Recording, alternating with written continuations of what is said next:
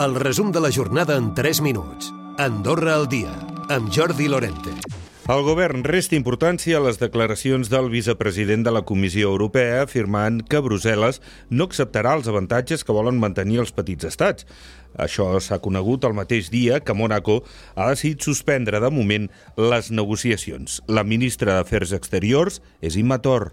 La nostra persona de referència és el vicepresident Maros Sefcovic i, i doncs ell eh, encara avui ha fet declaracions dient que les negociacions doncs, eh, van bé i, i, i que ja, ja s'han assolit eh, èxits en, en, en molts temes. Nosaltres no podem parlar per, per Mónaco. Jo, jo no sé quines aspiracions tenien i no ens pertoca jutjar aquesta decisió decisió que ha pres Mónaco Pujada salarial per sectors i mesures antiinflacionistes per part del govern són les propostes eh, que s'han posat sobre la taula a la reunió del Consell Econòmic i Social.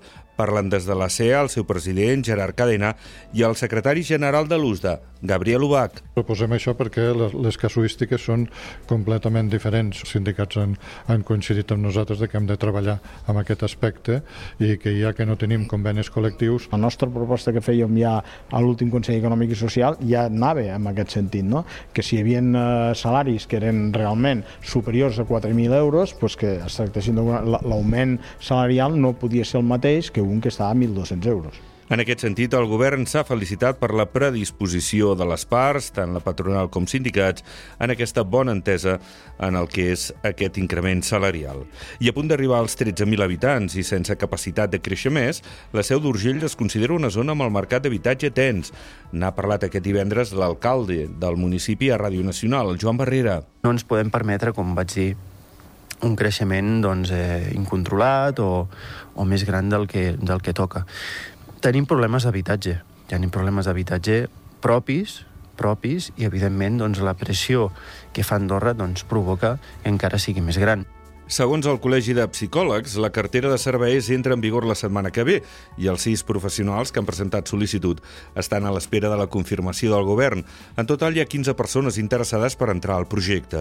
Després que en l'assemblea d'aquest dijous no es poguessin fer eleccions per renovar la Junta a causa de la manca de candidatures, la Junta actual seguirà en funcions tres mesos més. En cas que no es presenti cap llista més, hi ha el risc que el col·legi pugui arribar a dissoldre's. I el Comú d'Andorra la Vella es farà càrrec dels pisos pisos de lloguer assequibles de Santa Coloma. Cap de les empreses que va recollir el plec de bases s'ha presentat al concurs. D'aquesta manera, el Comú invertirà prop de 4 milions i mig que assumirà en bona part amb els diners que s'obtinguin dels drets de construcció. Hi haurà una trentena de pisos de dues i tres habitacions. Recupera el resum de la jornada cada dia a AndorraDifusió.d i a les plataformes de podcast.